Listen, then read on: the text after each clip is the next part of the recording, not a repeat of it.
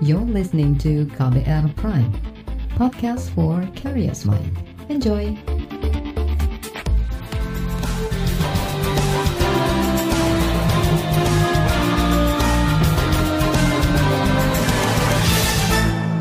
Halo selamat sore saudara, apa kabar Anda sore hari ini? Kembali saya Reski Mesanto hadir di KBR Sore, hari ini edisi 26 Januari 2022. Sore ini saya mau ajak Anda untuk kembali menyoroti mengenai pembelajaran tatap muka atau PTM yang masih digelar meski tren kasus COVID-19 tengah meningkat. Beberapa sekolah di kawasan Jakarta dan sekitarnya bahkan sudah melaporkan adanya penularan virus corona. Sejumlah pakar mendorong agar pembukaan sekolah dikaji ulang. Namun, mengapa pemerintah masih bersikeras melangsungkan PTM 100%? Apa ancaman yang menghadang jika kebijakan ini tak kunjung dievaluasi? Bersama saya, Reski Mesanto kita bahas selengkapnya di KBR sore. Saudara, sejak awal bulan ini pemerintah memutuskan membuka pembelajaran tatap muka atau PTM terbatas 100%. Pembukaan sekolah itu diputuskan melalui surat keputusan bersama atau SKB 4 Menteri. Sekolah-sekolah di daerah harus mengikuti aturan tersebut mengacu pada kriteria yang sudah ditentukan, yakni cakupan vaksinasi tenaga pendidik dan vaksinasi kelompok lansia. Pembukaan sekolah hanya dibolehkan di daerah dengan level PPKM 1, 2, dan 3. Namun, pembukaan sekolah ini berlangsung di tengah ancaman penularan COVID-19 varian Omikron. Varian ini terbukti berdampak pada kenaikan kasus harian COVID-19 yang sampai melampaui 5 ribuan per hari. Laju penularan COVID-19 juga tak sepenuhnya bisa dibendung di area sekolah. Sejumlah sekolah melaporkan kasus infeksi utamanya di Jakarta dan sekitarnya.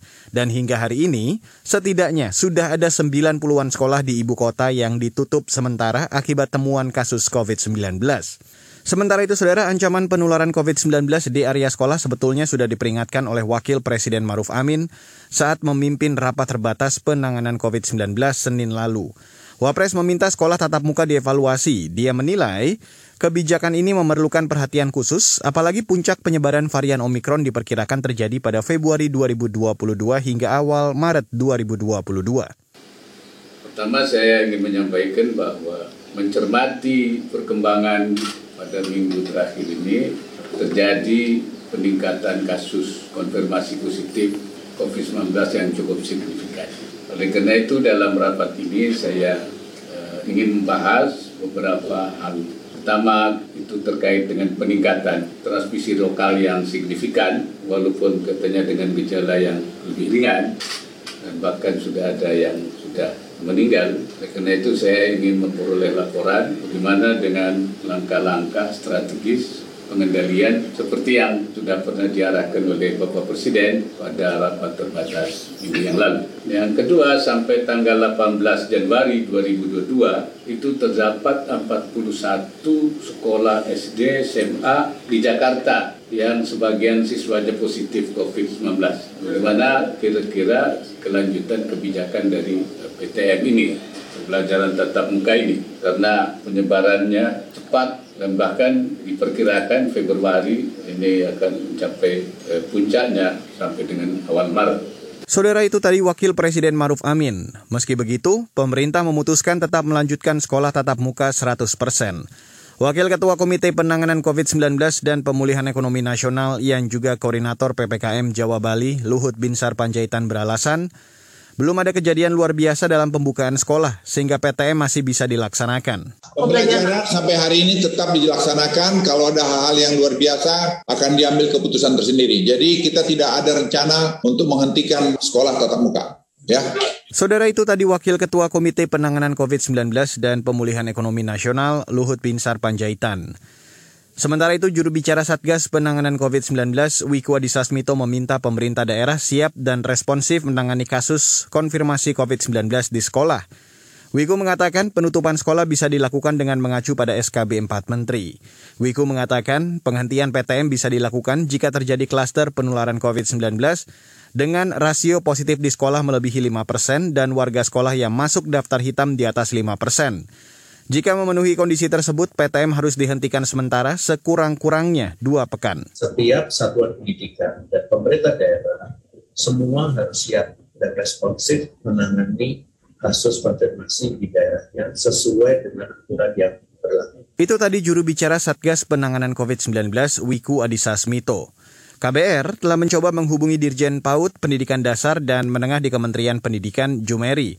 Namun hingga sore ini yang bersangkutan belum merespon permintaan wawancara dari KBR. Sementara itu juru bicara Kementerian Pendidikan Anang Ristanto melalui keterangan tertulis kepada KBR mengatakan pelaksanaan PTM terbatas sudah sangat mendesak karena ada ancaman kehilangan pembelajaran atau learning loss. Anang mengatakan PTM 100% digelar dengan mempertimbangkan status level PPKM di masing-masing daerah sesuai SKB 4 Menteri.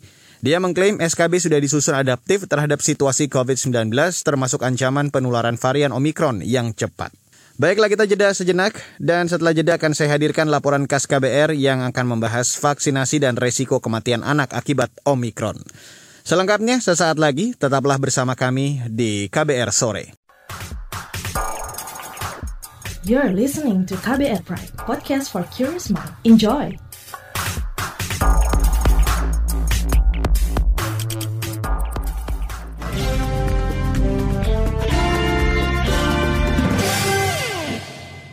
Saudara pemerintah berkeras menggelar pembelajaran tatap muka 100% meski banyak pihak mendesak untuk mengevaluasi kebijakan ini.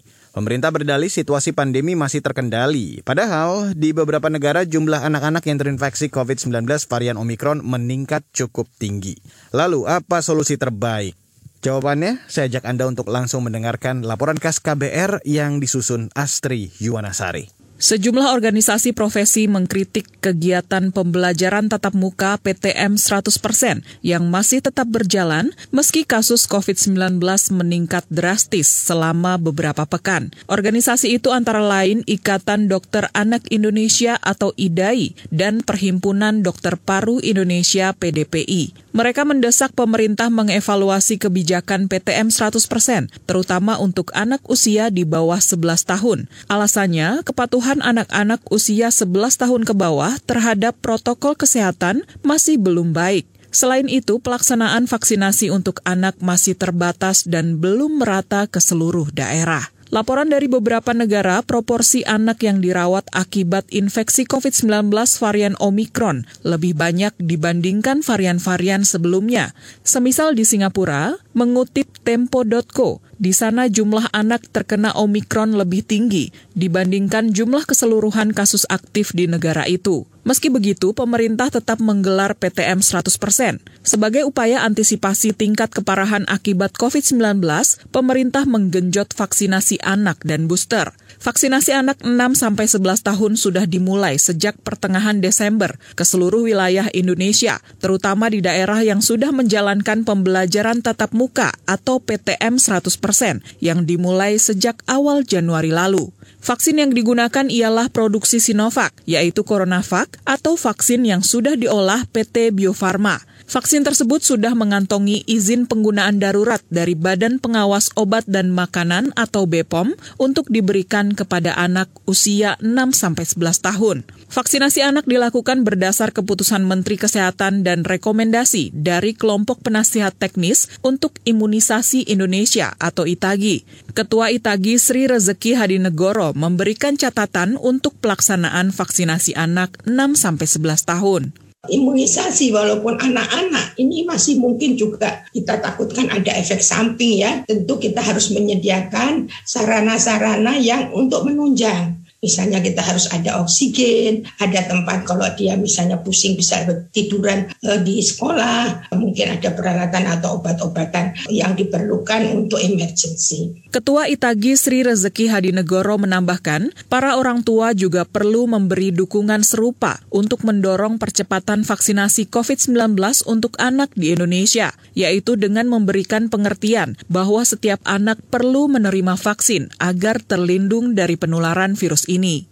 Berdasarkan dashboard vaksinasi DKI Jakarta per 25 Januari 2022, cakupan vaksinasi anak 6-11 tahun di ibu kota mencapai 68 persen untuk vaksinasi tahap pertama dan 29 persen untuk vaksinasi tahap kedua.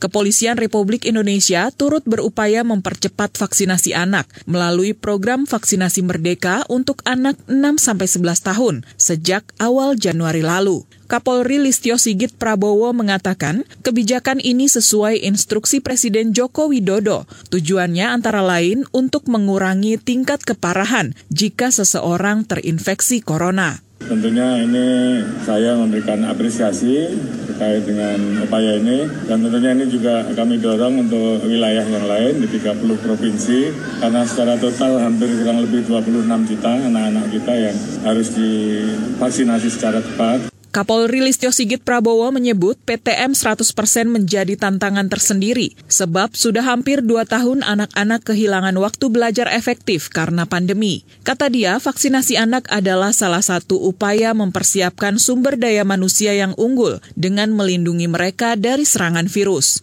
Namun, ahli epidemiologi dari Universitas Griffith Australia Diki Budiman meminta pemerintah berkaca pada kasus Omikron di negara lain, salah satunya Afrika Selatan. Kata dia, di sana kematian anak akibat varian Omikron dapat meningkat hingga dua kali lipat dalam kurun waktu satu bulan. Karena itu, kata dia, perlu pencegahan secepatnya, bukan bereaksi ketika dampak Omikron semakin memprihatinkan. Ada 780 kematian anak, atau dikira-ratakan tuh 35 kematian anak per bulan. Ini di Afrika Selatan. Nah, sejak Omikron itu kematiannya kalau dirata-ratakan 61 kematian anak per bulan karena Omikron. Sementara itu menurut ex-direktur Badan Kesehatan Dunia WHO Asia Tenggara, Chandra Yoga Aditama, anak-anak berpotensi mengalami komplikasi berat atau multisystem inflammatory in children associated with COVID-19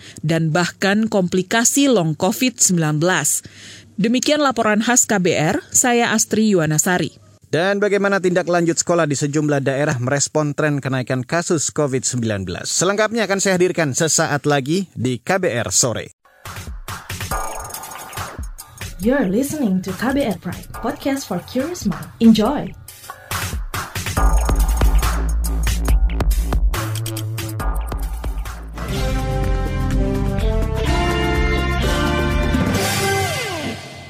Saudara sejumlah daerah mempertimbangkan ulang pembelajaran tatap muka atau PTM di tengah ancaman varian Omikron. Sejauh ini mulai muncul kasus siswa terinfeksi COVID-19, salah satunya di DKI Jakarta. Sedikitnya ada 90-an sekolah yang ditutup sementara lantaran ditemukan kasus COVID-19. Wakil Gubernur DKI Jakarta Ahmad Riza Patria memastikan pemerintah daerah bakal mengevaluasi PTM terbatas 100% ini. Dia mengatakan Kapasitas ruangan sekolah baru bisa dikurangi jika status PPKM Jakarta meningkat ke level 3. Pemprov akan terus mengikuti aturan sesuai SKB 4 Menteri.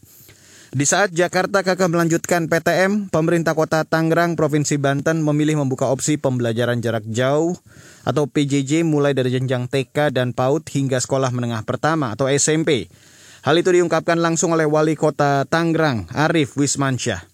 TM ini kita sedang persiapkan kayaknya besok uh, saya masih menunggu laporan dari kepala dinas pendidikan ya yang sedang mengevaluasi hmm. ya tapi kemungkinan PTM untuk SD terutama nih uh, kita dorong untuk melakukan daring dulu. Jadi rencananya SD akan kita optimalkan untuk PJJ secara keseluruhan. Tapi kita lihat dulu di perkembangannya, sedang dianalisa sama teman-teman dinas pendidikan. Kalau TK PAUD itu sudah kita pastikan mereka akan PJJ. Kita mendengarkan juga arahan dari Pak Menteri, terus juga ada organisasi dari IDI, ada dari profesi lainnya, ya Persatuan Dokter Paru dan lain sebagainya. Jadi itu semua menjadi bahan rujukan lah. Sambil kita menunggu instruksi Mendagri ini terakhir perkembangan. Wali Kota Tangerang Arif Wismansyah menambahkan keputusan penghentian sementara PTM merupakan imbas dari peningkatan kasus positif COVID-19 di Kota Tangerang.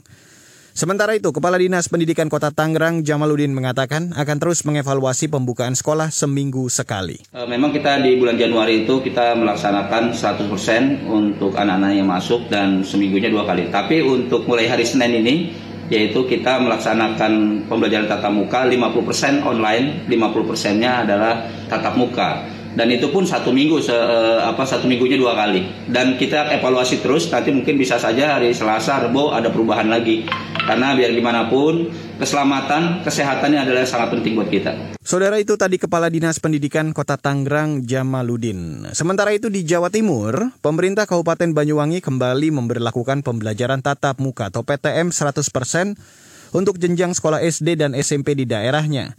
Padahal sebelumnya Pemkap Banyuwangi sempat mencabut kebijakan tersebut. Kepala Dinas Pendidikan Banyuwangi Suratno mengatakan hingga saat ini daerahnya masih berada di level 1 PPKM. Sehingga berdasarkan SKB 4 Menteri diperbolehkan untuk menggelar PTM 100%. Kebijakan 50% ini pun juga tidak berlangsung lama karena uh, Korwil, sekolah-sekolah SMP yang memang memungkinkan untuk 100% kita persilahkan untuk kembali 100%. Antara lain, satu, yang jumlah siswanya kurang dari separuh atau separuh lebih lebih sedikit. Terus yang kedua, mungkin siswanya banyak, tapi di sekolah itu, kalau SD misalkan hasil merger ya, sekolah yang kebetulan satu lokasi, kan banyak gedung-gedung yang nggak kepake. Nah, itu hmm. bisa dipecah dan kepadanya bisa 100%. Kepala Dinas Pendidikan Banyuwangi Suratno menambahkan dari ribuan sekolah SD dan SMP, hanya 20 persennya saja yang diperbolehkan menggelar PTM 100 persen, sedangkan lainnya tetap menggelar proses pembelajaran tatap muka atau PTM dengan kuota 50 persen. Dari Sulawesi Selatan, pemerintah kota Makassar juga bakal mengevaluasi kebijakan PTM 100% mengingat adanya ancaman penularan COVID-19. Kepala Dinas Pendidikan Makassar, Muhyiddin, mengatakan, Pemkot akan mengacu pada aturan di SKB 4 Menteri. Dan tentu evaluasinya kami adalah ada evaluasi mingguan dan pelaksanaan di Kota Makassar semua jajaran pendidikan mulai dari PAUD sampai SD dan eh, SMP itu sudah dilaksanakan dengan 100%. Namun sip-sip yang kami tetapkan di sini adalah inilah yang kami evaluasi. Saudara itu tadi Kepala Dinas Pendidikan Makassar Muhyiddin. Sementara itu kalangan ahli mendorong pemerintah segera mencabut kebijakan PTM 100% sebelum terlambat. Apa alasannya? Jurnalis KBR Wahyu Setiawan akan berbincang bersama Ketua Satgas COVID-19 dari Ikatan Dokter Anak Indonesia, Yogi Prawira. Selengkapnya sesaat lagi akan saya hadirkan. Tetaplah bersama kami di KBR Sore. You're listening to KBR Pride, podcast for curious mind. Enjoy!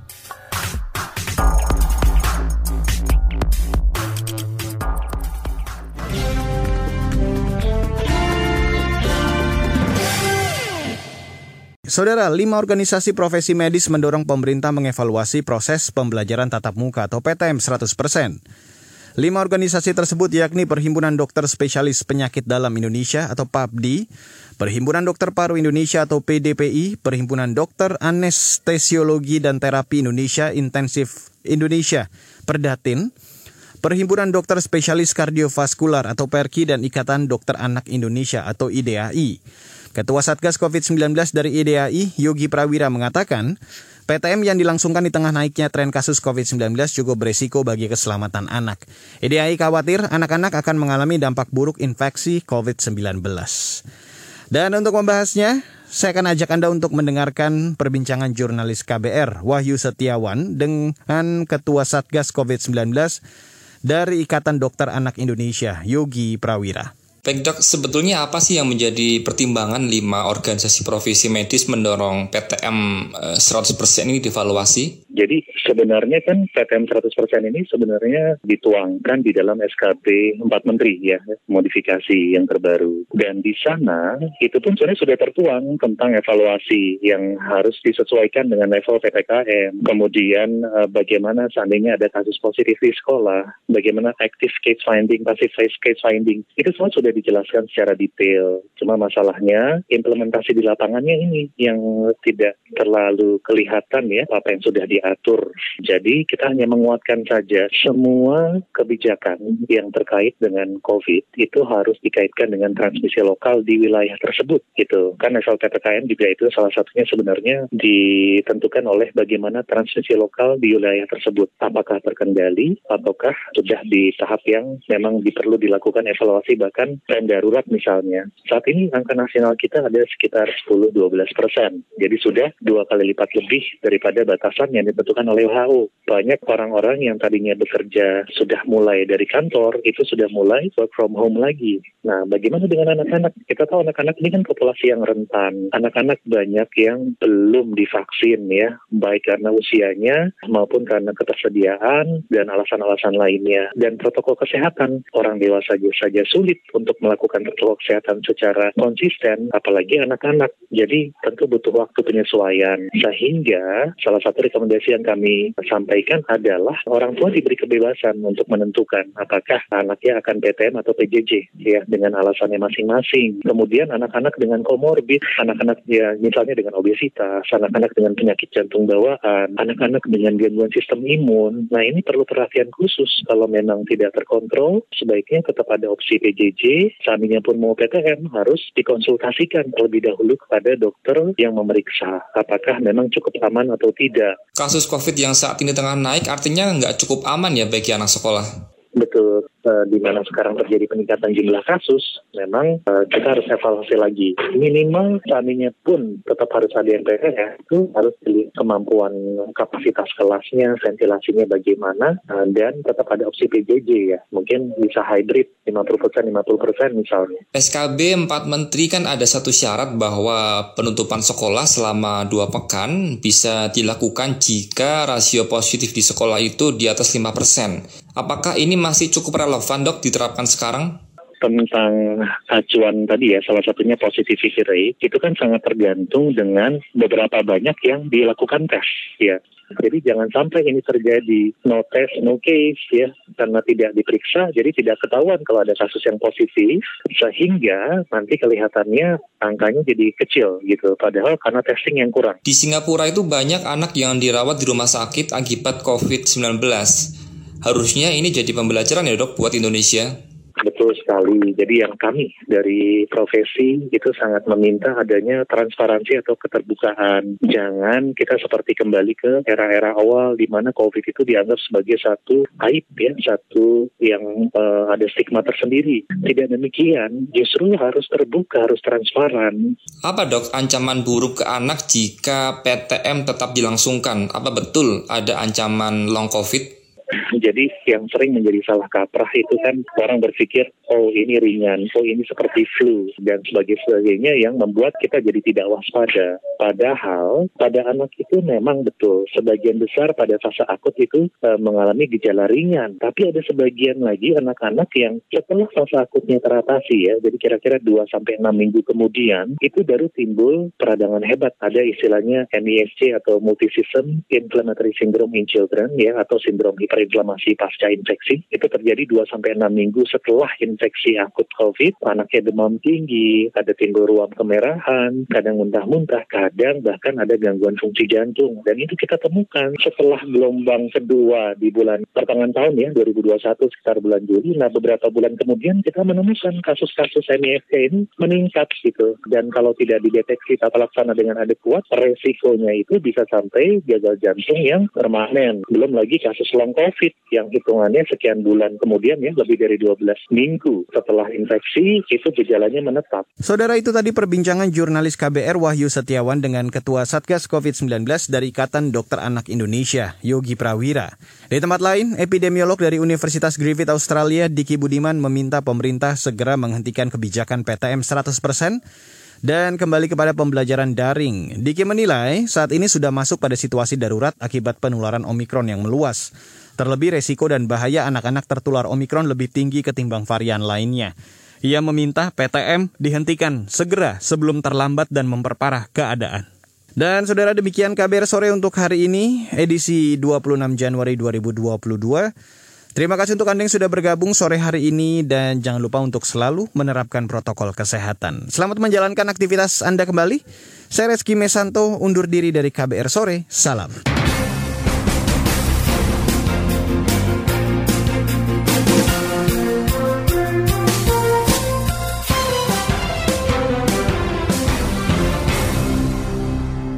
KBR Prime, cara asik mendengar berita. KBR Prime, podcast for curious mind.